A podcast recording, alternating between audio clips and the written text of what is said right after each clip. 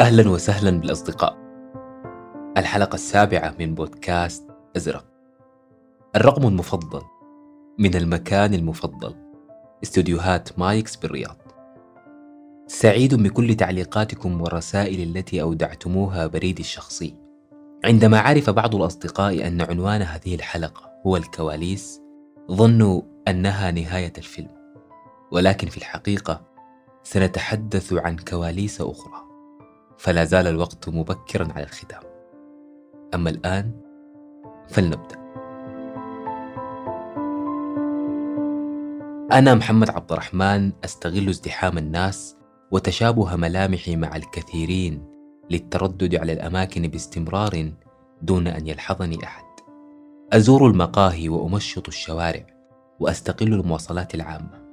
فأصطاد عن دون قصد أفكارا ما من حديث عابر أو تصرف عفوي لتكون عناوين وموضوعات أتشاركها معكم في بودكاست أزرق. أفكار لم تلقى حظها من الانتباه وتفاصيل صغيرة ربما تختلف نظرتنا إليها مع كل حلقة. كل ذلك كان إلهامه اليوميات المتكررة ومصادفات العشوائية.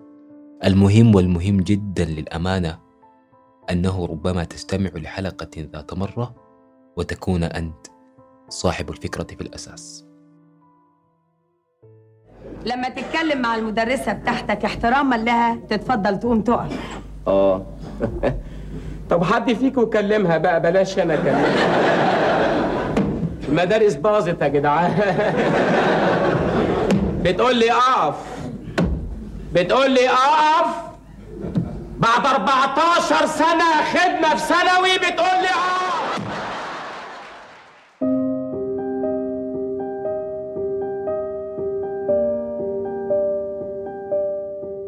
كنت ولا زلت أستمتع بمشاهدة مسرحية مدرسة المشاغبين التي لم تفشل في إضحاكنا منذ السبعينيات وحتى الآن. ولكنني لم أتوقع للحظة أن أخرج منها بأكثر من الضحك والانتعاش بل أجد نفسي ملهما من إحدى حكاياتها بحلقة كاملة في بودكاست أزرق. سمعت بالصدفة قصة تحكي أنه وفي أثناء إمتاع عادل إمام وأصدقائه للجماهير على خشبة المسرح وفي اللحظة التي كانت تضج فيها القاعات بالتصفيق والضحك الهستيري ويستمتع الحضور بقفشات الممثلين وانسجامهم كانت الصراعات تدب بين أعضاء الفرقة. مشاحنات دفعت عادل إمام للانسحاب أثناء إحدى العروض وانسحاب سهير البابلي من العروض مرتين واستبدالها بممثلة أخرى لخلافها مع الزعيم وسعيد صالح. واستمرت الخلافات داخل كواليس العرض لزمان طال. فكرت كيف أن الحياة خشبة مسرح كبير وكواليسها تضج بالحكايات التي لم وربما لن يكتب لها الخروج إلى النور. ابتداء من الفكرة التقليدية أن كيف وفي أوج اللحظات التي نظن فيها أن البهجة تغمر أحدهم قد تكون الغيوم السوداء تملأ جوفه. وكيف بينما يضج مشهد المسرح بالتساؤلات والظواهر المحيرة تكون الإجابة في الماضي والتاريخ الذي لم نعرف عنه شيئا. كيف أن زعانف القرش يمكن أن يكون تحتها سمكة زينة وديعة وأن الحقيقة التي نستميت دفاعا عنها تحتمل وجود حقيقة أخرى ظلت في الظلام. حلقة اليوم من أزرق عن الكواليس. لأنه من الوارد جدا أن نكون أنا وأنت من المساكين الذين رصدهم الشاعر في بيت شعره وقال: مسكين من ظن الأشياء هي الأشياء. بعيدا عن الأضواء وخلف المسرح والجانب المضيء للقمر. سنتحرى اليوم. هل الأشياء هي الأشياء أم حقا ما خفي كان أعظم؟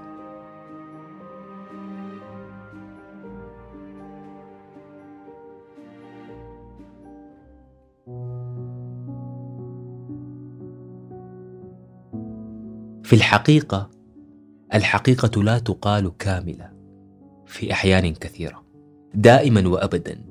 سيظل جزء من النص مفقود أو بلفظ أوضح جزء من الشخص مفقود.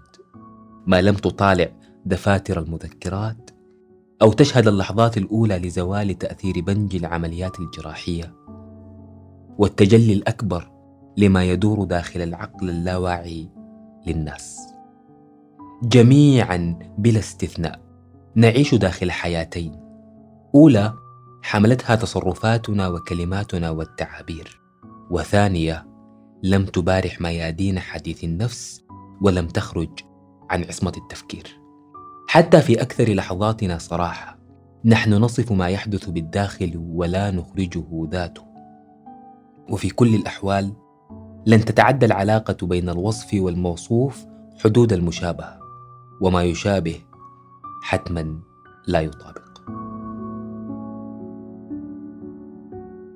كثيرا ما نقول الأنسب لا الأعمق ولا الأصدق ونفعل ما يقارب المعقول وننفي حقيقة جنوننا رغما عن أنف وجوده. تأكدوا أن من أمامكم أكثر مما ترون بذات الطريقة التي تؤمنون بها أنكم أكثر مما يعلمون. جميعنا لنا جوانب أخرى لم ترى النور. شخصية مشاغب قيدها الوضع الاجتماعي أو المنصب الوظيفي لكنها تتبدى وتنطلق أمام المرآة وداخل الغرف الخالية من أعين الناس وآرائهم. جانب ربما طفولي ساخر إلا أن اعتبارات البرستيج حالت دون ظهوره أو ربما جانب حزين. جرح لم تتحدث عنه شكوى وأقرباء لم تتقلص المسافة بيننا. وتبريرات مقنعة أصدر القاضي حكمه دون أن تسمع. مسرحيتان واحدة واقعية ممثلها شجاع وأخرى صادقة بطلها خجول لم يغادر كواليس صمته. وبكل أسف واقعنا ليس أصدق ما نملك. نحن لا نكذب ولا ننافق. نحن صادقون ولكن قدر المستطاع.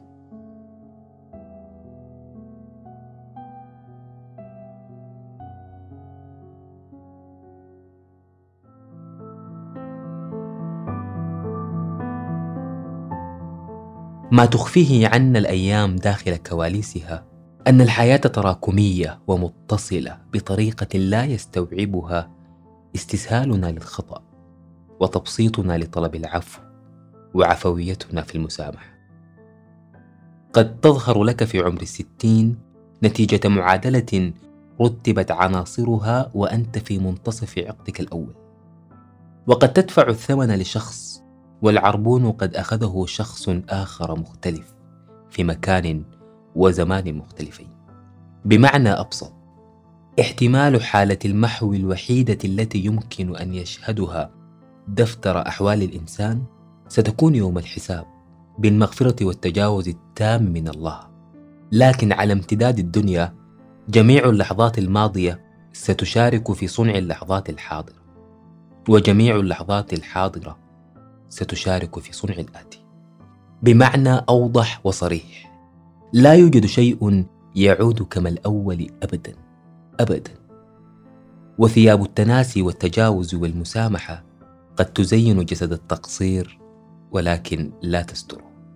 بمعنى أدق لا يوجد عدم للأفعال أو الأخطاء. فمسامحة شخص لك على خطأ ارتكبته في حقه هو انتقال لهذا الخطأ من بند الأخطاء إلى بند المسامحات. وبند المسامحات هذا نفسه لديه نصاب ما أن يكتمل تجبر كل المسامحات ويصنع منها خطأ واحد كبير. وهكذا. بمعنى ختامي وأخير انتقي اللحظات والقرارات والكلمات والمواقف في كل علاقة أو إجراء بعناية فائقة. لأن الماء من الممكن أن يعود لمجاريه ولكن أحيانا يحمل معه رواسب لا تصفى. ومن كسر قد يصلح. لكن ليس دائما ما يكون صالحا للاستخدام. الأخطاء لا تتلاشى بل تتبخر كسحب من ذكريات. إما علقت بسمائك مدى الحياة وإما أمطرت. الماضي قد ينام بعمق لكنه لا يموت.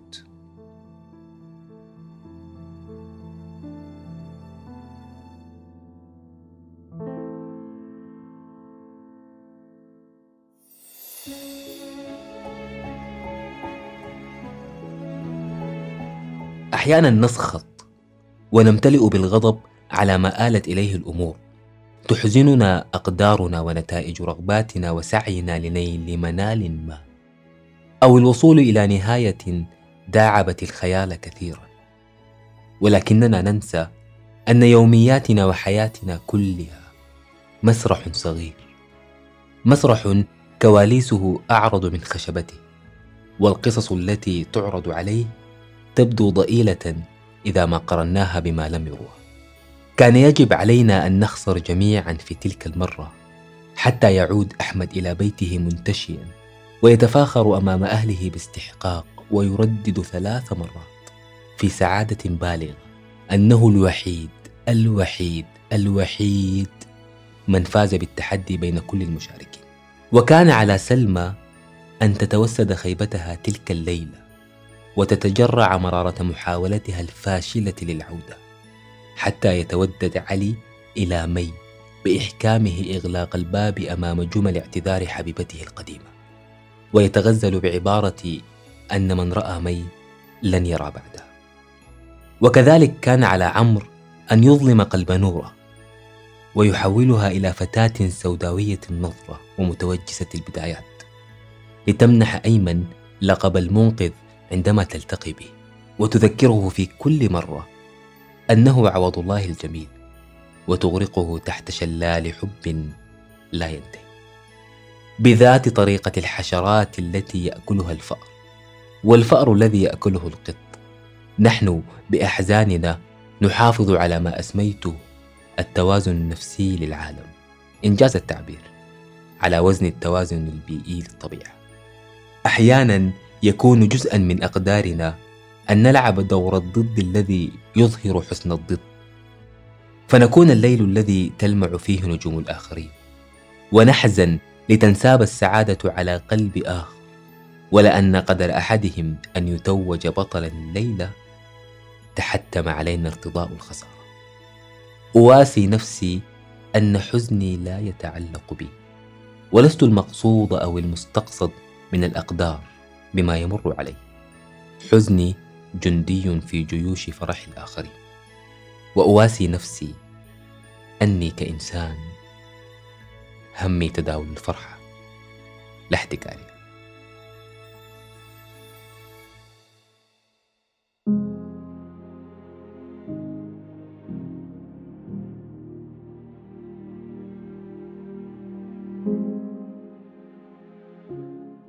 آخر الكواليس التي أود لفت انتباهك لها علها تقلل من قلقك واهتمامك بالمسرح أنه أيا كانت الطريقة التي تنظر بها إلى نفسك مستعظما أو مستصغرا. صدقني لن تدرك يوما حجم تأثيرك وستبقى قيمتك الحقيقية غائبة عن وعيك ما حييت. طريقتنا الوحيدة في العادة لقياس تأثير ما نقوم به هي أن نرصد ردود فعل حركاتنا. فنعرف أن نكتتنا طريفه بمقدار ضحكة من سمع وأن تصرفنا سليم بعدد كلمات المديح والشكر لك وأن جمال عرضي مضطرد بصدى صوت تصفيق الحضور. لكن الحقيقة أنه ليس دائما ما يكون رد الفعل هذا قابل لأن يرى أو يسمع أو يقاس. في الغالب لا يلتزم الجميع بإخبارنا عما فعلنا فيه. لن يقفز من الطاولة المجاورة لكم ذلك الغريب ويخبرك أنه استرق السمع لحديثكما وجملتك الناصحة كانت له في التوقيت الأمثل. ولن يوقفك ذلك الشاب في الشارع. ليخبرك أنك ألهمته لقصيدة سيشارك بها في مسابقة الوطن العربي للشعر ويفوز. ولن تعلم أنت شيء عن ابن أخت صديق صديقك الذي حدثه صديقك هذا بحكمة قلتها له منذ سنوات الدراسة فألهمت الصبي لفكره ودعا لك ليلتها. وربما قد لا نعرف أن خلف قانون الجاذبية واسم نيوتن بستاني بسيط زرع شجرة التفاح تلك وربما سافر بعدها ولم يعلم بما حدث في غيابه. صدق أو لا تصدق. ربما أنت الآن عظة وعبرة تروى على ألسنة البعض. وقد تكون كلمة كتبتها على حسابك الشخصي في تويتر أو فيسبوك هي فيصل حياة شخص آخر لم يتكبد عناء ضغط زر الإعجاب حتى.